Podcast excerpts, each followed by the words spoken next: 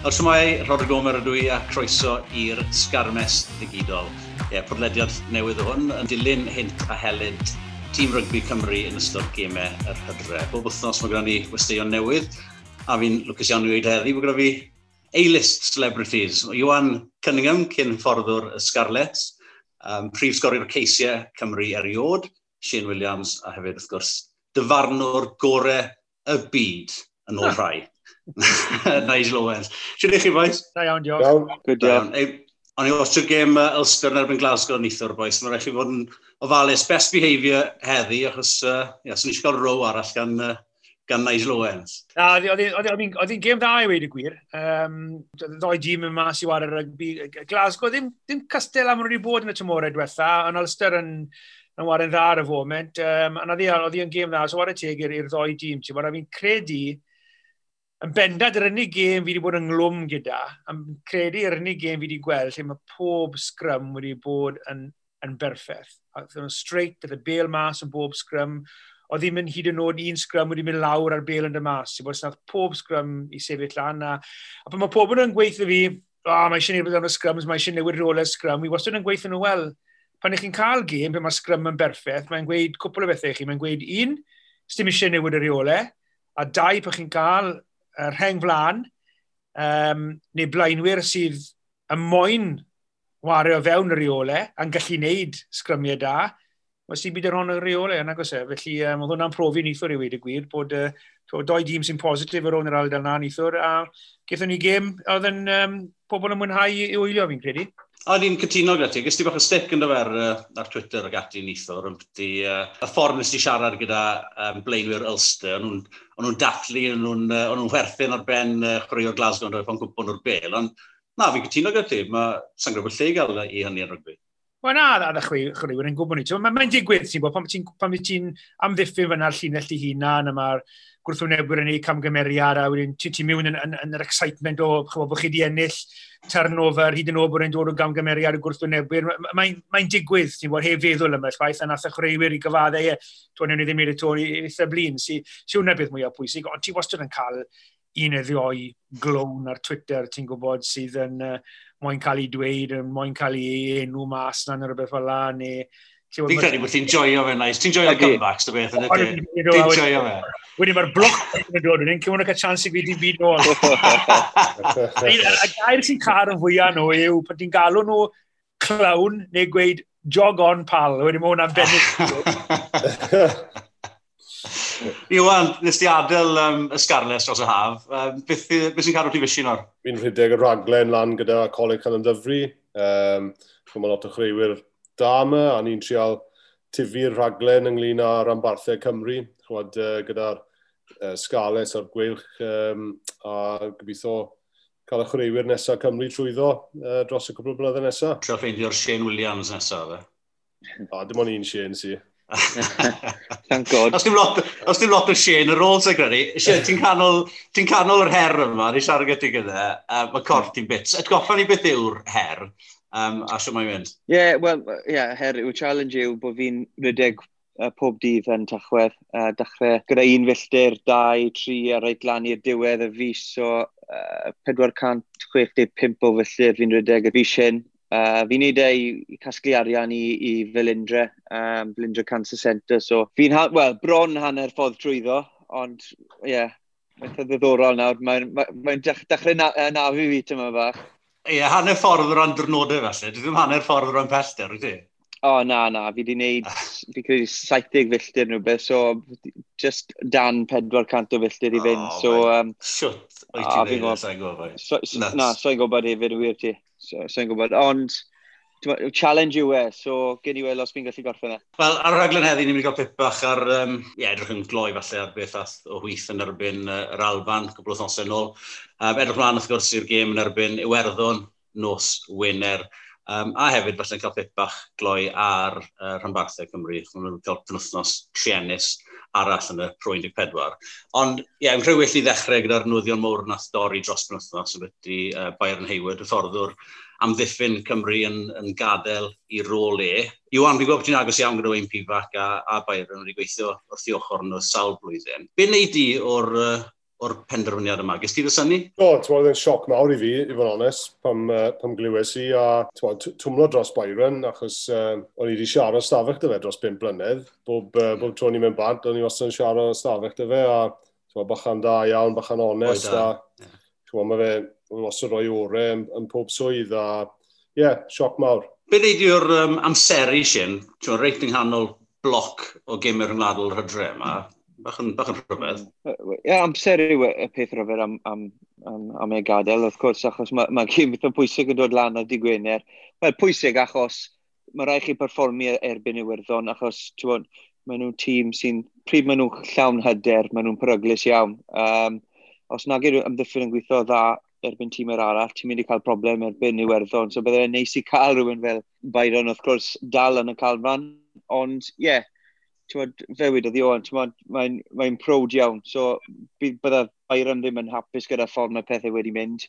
A na pham fi'n credu mae Byron wedi mynd. Ys i medig achos ie, fi'n nabod Byron hefyd, mae'n mae, mae bachu yn ffain yn dweud, mae pawb yn dwlu fe fi'n credu. So, bydd y bechgyn yn siomedig i weld e fynd hefyd, achos dwi'n yn personol, mae'n mae boys yn, yn, yn joio bod amgylch e hefyd, ond ie, yeah, mae'n mynd i bod yn gêm galed, bydd bynnag yn Iwerddon, ond heb rhyw, uh, gyda rhywun fel Byron, mae'n fwy galed. So, yr amser yw y peth galed i cymryd i mewn. O, cyn ni siarad ymhellach am dyn, mae ma clip gyda ni o um, Wayne Peacock yn siarad am di'r penderfyniad yma yn uh, gynhadledd i'r was gath i ychwanol ddo. It was a decision that was taken by Byron and myself, um, as I say, and as we've said, uh, we looked at uh, what is best going forward to the World Cup in 2023, and uh, we felt that uh, we weren't getting what we wanted from our defence. Um, you know, and so the change, the change has been made. Look, we've gone through it, we've reviewed it, uh, and it was an, a very honest and open conversation with two people that know each other very, very well. And we felt that, uh, you know, going forward, the best thing for the team was to make the change and to make it now. So that's why we've done it. Yeah, it's well documented, I think, uh, with the media that um, uh, Sean was announced that he was going to Wigan. Um, I had been in talks with Sean, um, and then it was made uh, clear, I think, at the end of the Six Nations, might have been after the Island game, that Sean was back in the market. Uh, and we sat down and we spoke, and uh, we were very keen to keep Sean, and Sean was very keen to work in a two-coach system with Byron working with him. So those discussions were had. Um, we thought we had Sean, um, and at the last minute uh, we weren't successful. So we tried very, very hard, and I don't think there was anything else we could have done. Ond Nigel, yn y cyfweliad yna, um, Wayne Peacock yn siarad, y penderfyniad oedd e ar y cyd rhwng fe a, a Byron. Um, ti'n synnu rhywfaint, tew, dim ond nhw'ch doi yn rhan o'r sgwrs yma, mae'n benderfyniad mwr.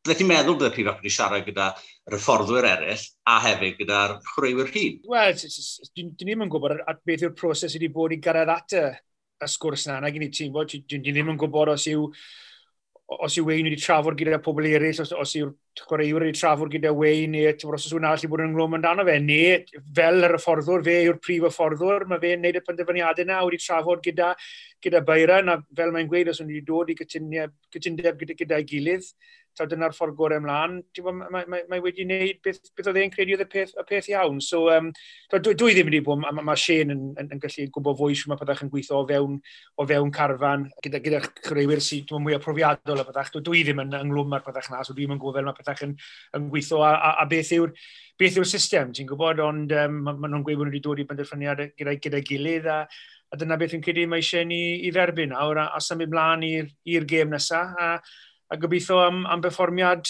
um, gwell na oedd yn erbyn yr, yr Alban um, ychydig wythnosau yn ôl. Sian, y peth arall oedd um, pwy bach i siarad i fyna, oedd y penderfyniad yma i, i beidio a, wel, i methu a adnewyddu cytundeb Sean Edwards. O'r hyn i ni'n deall, mae yna doriad i gael yn dosau, um, mae clos i gael yn golygu bod, a wedi dwy flynedd y cytundeb y tîm y fforddi yma, maen nhw yn cael ei adolygu a wedyn falle cael eu mestyn am, am ddwy flynedd arall yn ddibynnol ar berfformiadau. Ond o byn ni'n deall, o Sean Edwards eisiau peder blynedd i gymryd e sicrwydd yna lan tri hwnt i'r cwpan y byd nesaf. Mae e eisio sweri profi dros y deuddeg mlynedd.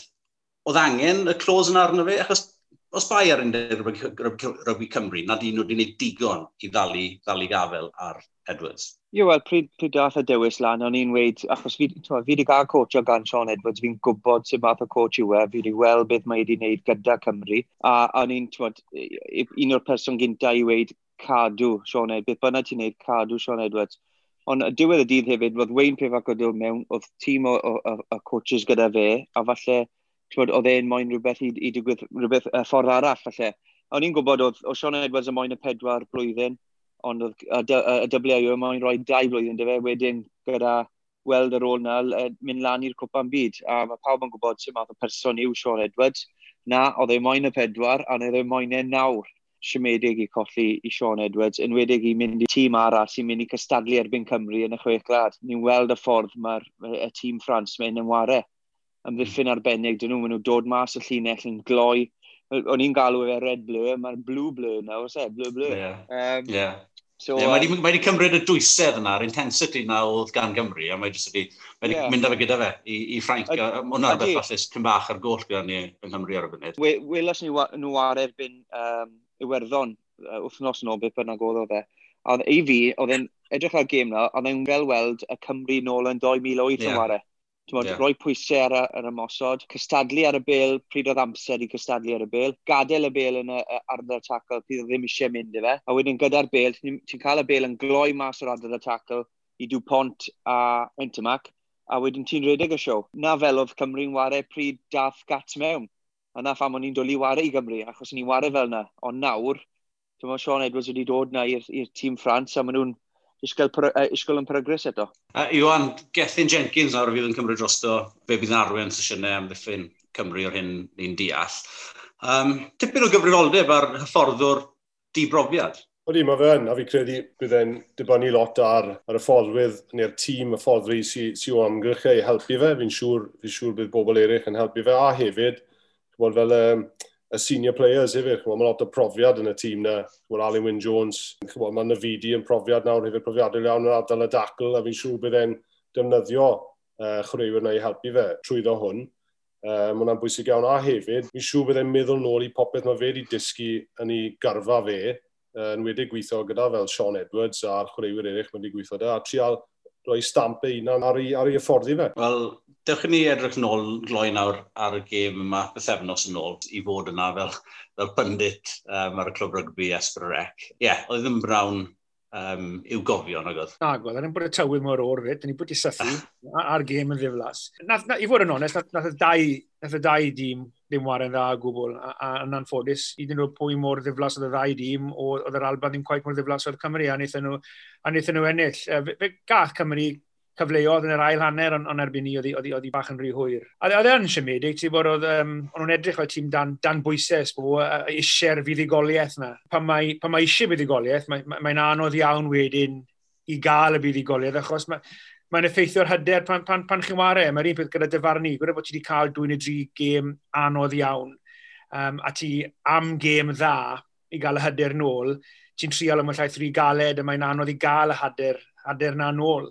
Felly, uh, ti'n bydd eisiau performio wedys i gynnu, bydd eisiau performio yn, yn well nawr ar erbyn tîm sydd yn lot well uh, uh, um, mas yn, yn yn werddon.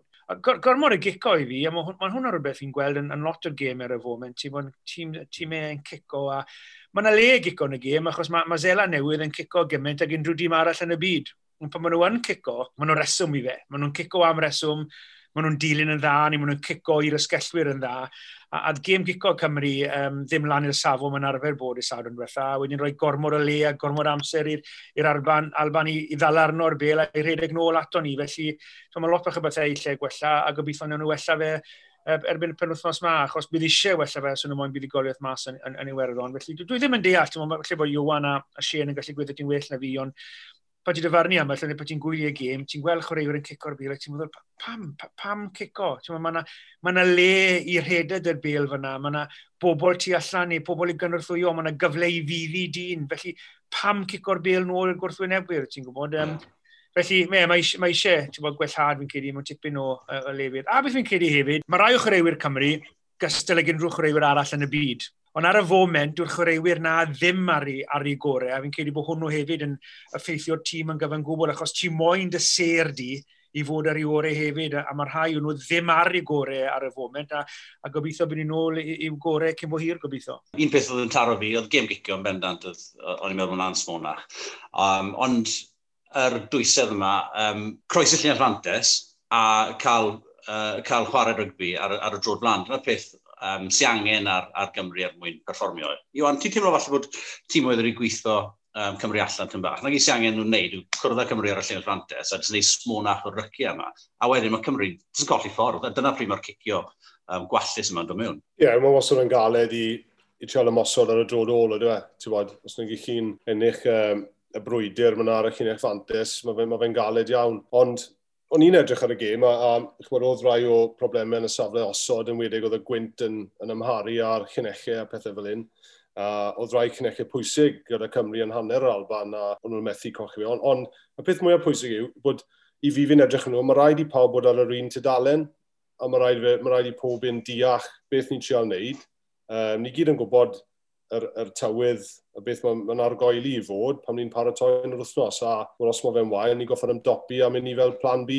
A'n anffodus, yn credu ni, o'n i coet wedi wneud hwnna erbyn yr Alban yn y barn ni. Shane, oedd yw gymoni a gweud heddi bod, um, bod Cymru fel sinking ship. Mae'n gweud bod y llong sy'n sy syddo, falle rhi gynnar i weid hynny falle.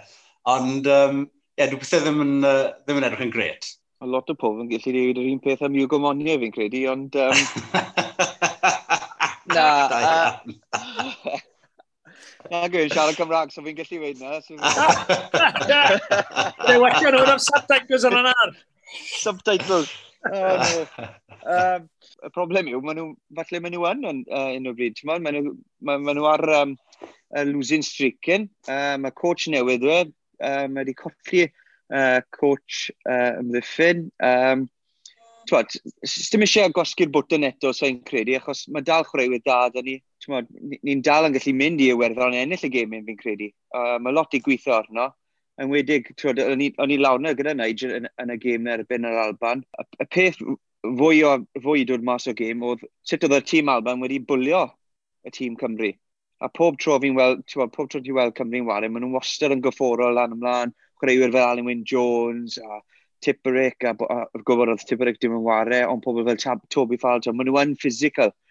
Ond o'n i'n siarad â John Barclay ar ôl game, a wedodd e, I've never seen Scotland bully Wales, wedodd e. Na. A ni'n meddwl, ie, yeah, ti'n iawn, ti'n O'n i'n colli'r ardal a tackle, pryd oedd y bel dyn ni, o'n i'n ddim yn cyfnogi'r boi gyda'r bel yn mynd mlaen i presento bel nôl, so o'n i'n cael troi. Pryd o'n i'n taclo yn yr ardal a tackle, oedd y boys yn just yn araf, yn symud mas o'r ffordd, ond oedd yr Alban yn cael bel gloi i wario gyda. Uh, achos oedd y tîm uh, y blaenwyr uh, uh, yr Alban yn fwy gyfforol. So, so'n credu fi byth wedi weld na o blaen. A ni'n meddwl... Dim yn erbyn yr Alban. Ti wastad yn teimlo yn erbyn yr Alban. Ti'n mynd i, yeah. giro nhw yn gorfforol. Falle ddim yn erbyn Werddon neu Lloegr, neu ond wastad yn erbyn yr Alban. Ti'n ti disgwyl yes. nhw ennill y frwydr. gorfforol. So fe'n galed i, a, a ni'n cytuno dy fe, achos na beth oedd e. O'n i'n ffili gael be'n gloi o'r ardal y tackle.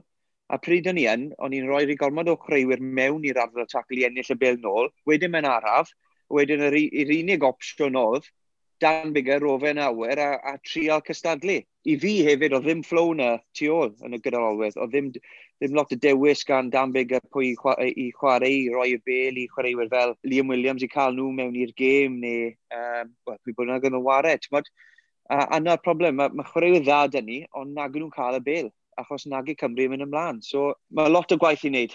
Un beth sy'n syddo ar funud yw uh, gobeithio'n rhanbarthau Cymru yn y Pro 14. Mae wedi bod yn uh, ddechreuad triennus um, i'r rhanbarthau hyd yn hyn. A uh, penwthnos diwetha colli pob gêm, un gêm yn cael ei ennill uh, yr wythnos yma, uh, Scarlett just yn curo zebra gytre. Iwan, dwi'n pethau ddim yn edrych yn gret i'r rhanbarthau ar y funud, dwi'n Na, mae ddim, chymod. Um, Wel, mae lot o newidiaeth wedi bod yn y rhanbarthau hefyd. Chymod, mae rhaid chi edrych ar y gwylch. Mae mae criw newydd o fforddwyr yma na, chybod wedi dod mewn, triol uh, creu stamp ar hwnna, mae'r un peth wedi digwydd i'r Scarlets, a hefyd y dreigiau, so mae tri rambarth yn cael y fforddwyr uh, weddol newydd, a hefyd, chybod, ni'n siarad am dyfnder y garfan, chybod, ni'n cochi lot o chreuwyr i, i tîmoedd ryngwladol, yn wedig tîmoedd Cymru, a wedyn ni'n rhoi cyfle i chreuwyr ifanc a cymharu a tîmoedd fel Iwerddon sydd y garfan cryf, Um, yn ywedig, ti'n meddwl Leinster a Munster. Ond on, mae rhaid ni, ma rhaid ni edrych hefyd ar, ar mae eisiau disgyr chwewrin fel i ennill gymau rygbi. Chymod, a,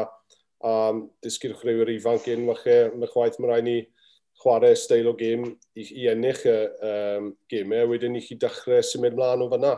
Ond ar y funud, uh, fi methu gweld fel, fel ni'n mynd i wneud hwnna. Ond Nigel, fel ti'n gweud, ti'n sylwebu mas yn uh, Ravenhill neu Kingspan nithwr. Um, yeah, Ulster. Mae fe? Arni gobeithio, dim sylwebu. A wedyn ni... O, fe wedi sy'n sylwebu, sori, dyfarnu. Oedd yn ei ddau. Oedd yn ei ddau. Unwaith ffeindias di boots di, yna? Ah, ah, o, Na, ti'n fe, ond mae ma Ulster yn hedfan, mae Munster, um, mae'r taleithiau i gyd yn, wel, ar, ar ben i gêm ar y funud. Mae un gêm mae taleithiau Iwerddon wedi colli mae'n pimp rownd o'r pwynt i pedwar. Mae'n anhygol. Be maen nhw'n neud i ni i dydd ffili? Wel, ti'n bod, mae hwnna'n gwestiwn da, i fod yn onest, dwi, dwi, dwi ddim yn gwybod. Maen nhw wastad wedi bod yn grif yn y pro 14, ti'n bod, y sawl blwyddyn, um, wedi Glenster a, a Munster. Di ni ddim wedi bod yn grif ers, ers ysgalet i, i ennill mas yn Nilyn erbyn Munster yn y rownd yrfynol uh, pan oedd Pifanc yn y ffordd i nhw. A hefyd, a Iwan Cunningham. Pan oedd yr Ospreys ti'n bod yn, yn, yn ei pomp, ti'n gwybod pan oedd Shane Rainey ar ei, ar ei gorau. Um, o ia, Iwan, wrth gwrs, ie. Um, Felly, um, dyn ni ddim wedi bod yn grif nawr ys rhyw flwyddyn neu ddau am, am, am, am rhyw reswm. Mae'r ymbarthau Cymru um, yn gallu mynd i unrhyw un ar ei dydd, ond mae eisiau gwneud na yn gyson i ennill pencampwriaeth neu ennill cwpan fel cwpan Ewrop, Ewrop neu beth bynnag. Felly, um, na, mae wedi bod yn, yn siomedig ar y foment. A, a hefyd, dyn nhw ddim wedi waren dda na, gynnu ti'n gwybod, o gwbl i wedi gwir. Felly, ti'n gwybod, bach felly, o sglein i wedi bod ar y gleision ar un neu ddoi buddigoliaeth yn gynnar yn y tymor neu blawn ni. Um, mae wedi bod yn waren siomedig, ti'n bod, dim hyder i weld hefyd, felly um, pyn ydy hwnna'n rhywbeth i wneud falle gyda hyder tîm Cymru falle hefyd, dwi ddim yn gwybod, ond um, ti'n bod, mae eisiau nawr bach o hyder a bach o buddigoliaeth, achos uh, oeddi, mae wedi bod yn siomedig iawn. Uh, wedi pan ti'n gweld y tîm oedd eraill yn ware, ti'n bod, mor dda. Dwi'n Glasgow ddim gystal tîm leni, ond wedi bod y cwbl o flynyddoedd yn ôl, ond ti'n bod, wnaethon nhw araith eitha da, wnaethon ond uh, oedd Alistair yn llawer yr un ddau nhw ar y noson. Sien, falle bod yn gwestiwn cwestiwn anodd, ond Ar un bosib bod ni'n yng Nghymru, ni'n obses gyda tîm Cymru, yn dyn ni. ni mae popeth, mae'r holl ffocws ar dîm Cymru. O'r un ni'n esglyso y rhanbarthau, felly, nghofio am rhanbarthau, ond ar ddiwedd y dydd, y rhanbarthau yma, nhw sy'n gyfrifol am gynhyrchu tîm cenedlaethol ni. Y bod yn llwyddiannus gyda tîm Cymru ddim yn helpu, so'n credu hefyd, achos chi'n chi bron yn anghofio, falle, bod y rhanbarthau ddim yn neud yn dda.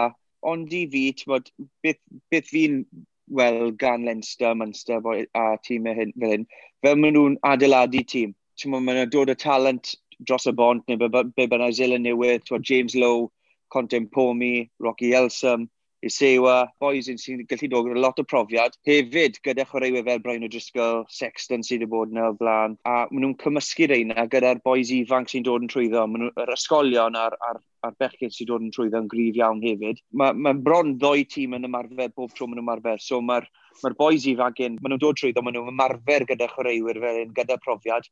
Maen nhw'n rhoi hyder i nhw, a wedyn, ti'n modd, maen nhw'n cael cyfle i ware. So Sexton, so ti'n ware wrthnos hyn, mae Byrne yn dod mewn, mae'n cael gêm erbyn, pwy bynnag maen nhw'n ware. Maen nhw dal yn ennill, so mae'r ma, ma hyder e yn mynd trwyddo'r to. A wedyn, ti'n modd, ti'n gallu gadael pobl fel Sexton mas y tîm achos mae'r boi sydd yn dod trwyddo ie, yeah, maen nhw'n creuwyr dda, ond maen nhw'n gwybod fel i ennill, fel wedodd Iowan. Yeah. A so'n credu mae'r gryfden dyn ni yn Gymru, a welys i Leinster erbyn, um, erbyn gweilch ar y, ar y penwthnos, bod, oedd lot o tîm Leinster yna yn ifanc iawn. Lot ifanc iawn? Fwy, iawn, iawn. Bod, oedd y Rhys Rydeg un o'r fwy profiadol yn y tîm. Ond weld nhw ar erbyn bod, bechgyn yn y tîm, uh, tîm Cymru na, Dewi Lec a'r boes ifanc na, oedd e'n fel dynion erbyn bechgyn achos maen nhw wedi cael lot o fwy o profiad, a hefyd maen nhw ennill pob wythnos. So mae hwnna'n mm. helpu lot hefyd. Ond ti'n isgol ar sgwad sydd gyda tîmau e fel Enster, Elster, Manchester, Iesgyn. Mae ddoi yn y tri dîm tîm gyda nhw sy'n gallu dod i Cymru a ennill. O Iwan, ti'n gyfrifol nawr am ddatblygu'r genhedlaeth nesaf yma yng Ngholeg Llan yn ddyfrion. Mae rhaid ti gweud, pan ti edrych ar ganlyniadau Cymru dan 20, dan 20 fel oedd e yn, yn, yn nyddiau ni, ni wastad yn cynhyrchu'r chwaraewyr yma. Ni'n gystadleuol ar lefel yma, a mae chwaraewyr yn mynd ar goll. Beth sy'n angen wneud i gael y boes yma, rhagor o'r boes yma i bontio o'r ieuenctid, o'r under-20s, uh, mewn i rygbi rhanbarthol a yn y pen draw i, i gynrychioli Cymru? Ie, yeah, cwestiwn da. Fi credu, twod, ni wedi gwneud bach o fe dros y tymorau diwetha, ond on, sy'n credu wneud digon o fe. Mae eisiau tîm tîmau dda rhanbarthol i fod yn onest gyda, gyda ni. Chwarae i chwarae erbyn Leinsters, a chwarae wachau dros y bont, a chwarae erbyn Bryste neu, neu Bath y mwy gyson. Achos mae'r um, ma chwaraewyr yn cochi mas a datblygiad o 2-3 blynedd achos maen nhw ddim, ddim yn chwarae digon o'r safon yna. Um, a mae eisiau nhw mynd i llefydd anodd eisiau nhw'n mynd i, mynd i Dublin neu mynd i, i llefydd fel hyn a dysgu sut mae fe i, i, i ymdopi mas na a ennill gymau. Yn, yn, yn... Ond i ennill, dim, dim just mynd mas yna i ware, yeah. mae rhaid i mynd mas yna a ennill, mae rhaid i ni fod yn yeah. gystadleuol o leia ar y funud, mae nhw'n mas yna cael coten. A mae'n diw hynny'n gwneud dim byd i ddatblygu ar chwaraeon. Na, fi cytuno, ond on fel wedodd Shane, fi'n cofio mynd nôl pedwar tymor a gweld uh, tîm A Leinster yn chwarae yn y British and Irish Cup a oedd lot o chweiwyr yna yn chwarae yn y gweilch dros y penwthnos. Yeah. So, so maen nhw'n ma nhw chwarae da'i gilydd, maen nhw'n chwarae'n gyson, a pan mae'r amser yn dod i nhw camu lan, maen nhw'n barod. A, yeah. a dyna beth fi credu ni chi'n neud yn Cymru, sut ni'n neud e, so yn siŵr, ond on, mae eisiau'r chwaraewyr i chwarae mwy gyda'i gilydd, os, os, os ni'n chwarae tîm A gwelch yn chwarae tîm A y gleision, mae hwnna'n mynd i fod yn wych, bod i chwaraewyr i chwarae yn goson, a wedyn mae'r tîm na'n mynd mas a chwarae erbyn Ulster i bontio'r bwlch yna felly rhwng yr uwch gyngrair a, a'r lefel rhanbarthol felly.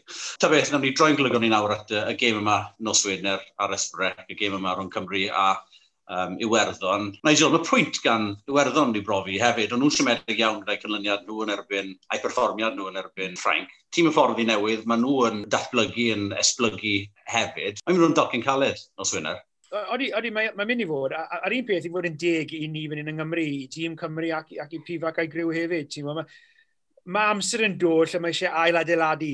Ac ydy nôl i pan dechreuodd da young yn y blues blynyddoedd nôl. A mae dwy dair blynedd cyntaf, oedd e dan lot o bwysau, colli gemau, ond fe nath ei weid, mae eisiau amser i gael ddod ar stael o ddim o'n ware, dod â chwaraewyr trwyddo. A dyna beth ti'n gweld nawr fi'n cedi ar lefel Cymru, gyda y llwyddiant sydd wedi bod os mlynedd diwethaf, mae rhaid ail ddechrau yn rhywle i gael y, y, y tîm o fforddi newydd i weithio, a dyna beth sy'n digwydd yn yr Iwerddon hefyd, tîm o fforddi newydd wedi bod môr llwyddiannus dan Joe Smith am sawl blwyddyn, mi ddi Zela newydd dwywaith am y tro cynta eriod yn ei hanes yn ystod y cyfnod na, a maen nhw wedi gallu uh, gorfod adeiladu, ail adeiladu hefyd. Fi credu bod nhw bach o'n blaen ni achos Mae'r ambarthau Iwerddon wneud yn dda, mae'r chwaraewyr na yn ware Iwerddon gyda bach fwy o hyder, a dyn nhw ddim wedi gorfod newid lot gormod y pethau, achos ti'n meddwl, mae lot o tîm y ffordd yna wedi bod dan Joe Smith yn gallu symud mlaen o fewn y system, lle mae Cymru wedi newid y system i gyd mewn, mewn ffordd. Um, a gorfod i mewn y cwbl o chwaraewyr hefyd i gymaint sy'n mynd mlaen. Felly, os mae Iwerddon dan dan bwysau performio, fel i ni hefyd, ond um, ti'n mae ma, ma, ma wastad yn, yn anodd e- erbyn Iwerddon. Mae Cymru'n gallu mynd i mas yn Iwerddon, does dim dawt amdano ni, mae'r um, chwaraewyr yna i wneud ni, ond uh, bydd rhai bod nhw ar brig ei gêm i, i wneud ni, a sgall y boes i wneud ni, mae'n ma, ma o beth i ennill, ond mae'n mynd i fod yn affach o, o dasg fi'n credu, achos um, fel ti'n gweud, mae'r iwerddon nhw mae'n profi pwynt hefyd, a mae'r chwaraewyr gyda nhw i, i wneud na, mae'n pigo tîm sydd yn edrych yn delentog iawn ar bapur, a hefyd tîm sydd yn, sydd yn chwaraewyr sydd, ar brig i gêm hefyd, felly, hwnna'r gwaniaeth, mae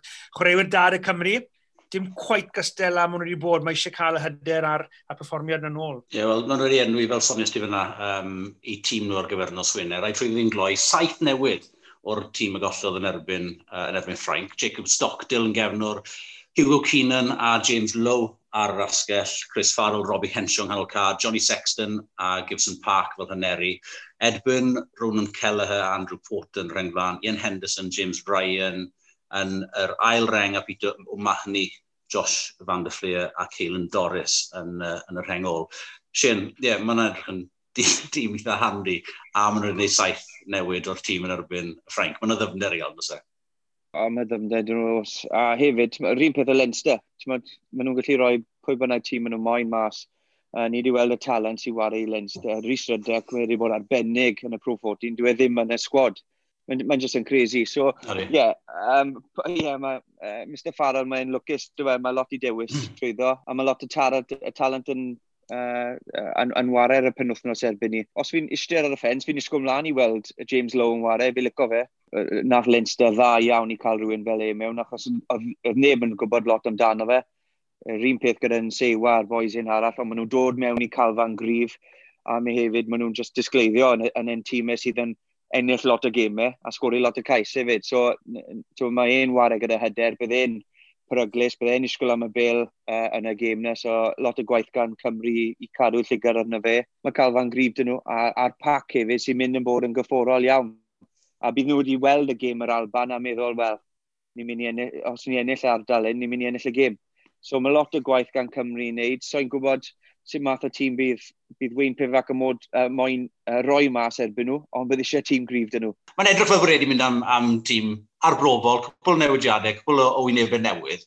Um, o'r hyn yn gyfle i Pivac arbrofi, neu o'r hyn mynd am yr opsiynau saff, Iwan? O, fi credu bod yn cyfle i fe i, i, i roi chance i bobl, mae rhaid i fe. Nes o'n i byth yn mynd i dysgu dim byd um, yn y marn i, ond chwa, bob tro chi'n wario tîm oedd Iwerddon, mae rhaid chi ennill brwydr yr awyr. Chi'n gwybod bod y cicen yn mynd i ddod o Sexton.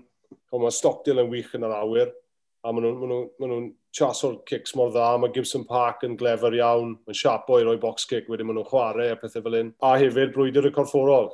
Ti'n gwybod bod Henderson yn mynd i gyrio'n grif mae Van der Frie, Ciren Doris, nhw gyd yn mynd i cario'n grif, nhw'n trio dod trwyddo ni. So, mae rhaid cael y cymysgedd yn iawn, ond mae chreuwyr dan yr awyr dyn ni, fel Liam Williams, mae fe'n wych yn yr awyr, o mae Dan Bigger yn wych yn yr awyr. So, mae rhaid cael y cydbwysedd yna o, o cystadlu y brwydr yr awyr, ond hefyd, mae wachau rhoi cyfle i chwaraewyr, sut maen nhw'n ymdopi ar y safon ucha, mae fel Zamed Rhys neu rhywun fel la, cael cyfle mas na. Beth yw'n cyd gyda, gyda Cymru ar y foment? ma bach between y... Mae ma rhaid i nhw ffindio ffordd gorau o, o waren. Nethon ni weld hyn yn digwydd gyda Lloegr, ar ôl Lloegr ennill cwpan y byd, dath Martin Johnson mewn i'r ffordd nhw. Nhw bach rhwng, ond nhw moyn war y stael newydd un, um, ond nhw hefyd yn trial dal arno i'r gêm gorfforol lle o'n nhw'n grif, a nhw'n cwmpa bach yn y canol. A fi'n credu na beth sy'n Cymru wneud nawr. Os, os nhw'n mynd i wario'r gêm y gorau, ni'n fel nhw'n wneud, dan y Scales, pan nhw'n Iwan a, a Pifac gan y ffordd i pan nillon nhw um, y, y cwpan mas yn Nilyn erbyn Munster, oedd lot o offload o cyn bod y dacl yn digwydd, neu fel oedd y tacl yn digwydd. Os ti'n moyn wario y gêm gorfforol, mae'n rhaid ti gael y chreuwyr i ennill y gêm gorfforol na, i fynd dros y geinlein, i gael ennill y contact area na. Ar y foment, mae Cymru bach yn edrych i fi, fel sy'n nhw'n stuck rhwng o ddoi, maen nhw'n trial wario'r gêm gorfforol, trial wario'r gêm offload o agored, a maen nhw'n cwmpo bach yn y canol, felly fi'n credu bod rhaid i bigo tîm sy'n mynd i siwto'r ffordd mae e moyn wario'r wario'r gêm na, achos ti'n mynd i drial wario'r ddoi, ti falle mynd i, i ddod lan bach yn short, bod, bach yn fyr, ti'n mynd i gwmpo yn y canol bach, felly ti'n naill mynd i bigo tîm i ennill yn gorfforol, neu ti'n mynd i bigo tîm sydd yn mynd i gael y bel yna bant, bod y link fel, fel y Tipperix to James Davis, yr ein sydd yn dda yn linco yn ennill y bel, cael y bel bant, cym bod y gwrthwynebwyr yn cael cyfle iddyn mewn a rafi'r bel na lawr. A dyna beth fi'n credu digwyddodd yn ar, erbyn yr Alban, oedd hi bach rhwng y ddoi, a dethon ni bach ti fod yn, yn, yn unstuck yn y gêm na, lle nath yr Alban i fydd i'n gorfforol. Nawr, fi'n gweld mae'r Iwerddon yn mynd i fod tipyn mwy gorfforol eto, dyn ni'n meddwl yn ardal y dacl, felly mae'r rhaid i fe nawr i gael tîm sy'n naillai i mynd i ennill y, y, y, y frwydr na, neu bod yn cael tîm sy'n mynd i wario bant o'r cryfder yr Iwerddon, a hwnnw ddim credu bydd beth bydd eisiau fe wneud pan byddai'n meddwl pan byddai'n pigo'r tîm. Mae'n licen i weld pobl fel Rhys Amit yr ein yn cael cyfle hefyd, sy'n bod rhywun ifanc yn dod mewn, ware gyda dim pwysau ar ei ysgwydd e, just mynd mas na, just, a just ware, ti'n mwyn, a gobeithio yn gallu sgori cwpl o gysiadau. Nawr yw'r amser i, falle, ti'n mwyn, defnyddio rhywun fel, fel uh, Callum Sheedy, dod o uh, Lewis Rhys Amit mewn. Wrth gwrs, wrth gwrs mae pwysau arno Wayne Pivac i, i ennill y gemyn, wrth gwrs, Ond gan weid na hefyd, os, os ni'n trial ffindo, fewyd wedodd wneud, os ni'n trial ffindo mas y ffordd ni'n trial ware, falle mae amser i defnyddio'r boes arall hefyd sy'n gallu ware fel yna. Ni, ni wedi weld beth mae Rhys Amet wedi wneud i Gloucester yn y, yn y Gallagher Premiership. So, pham na gyfer gallu wneud ei i Gymru? Callum Sheedy hyn yr un peth i, i, i Bristol.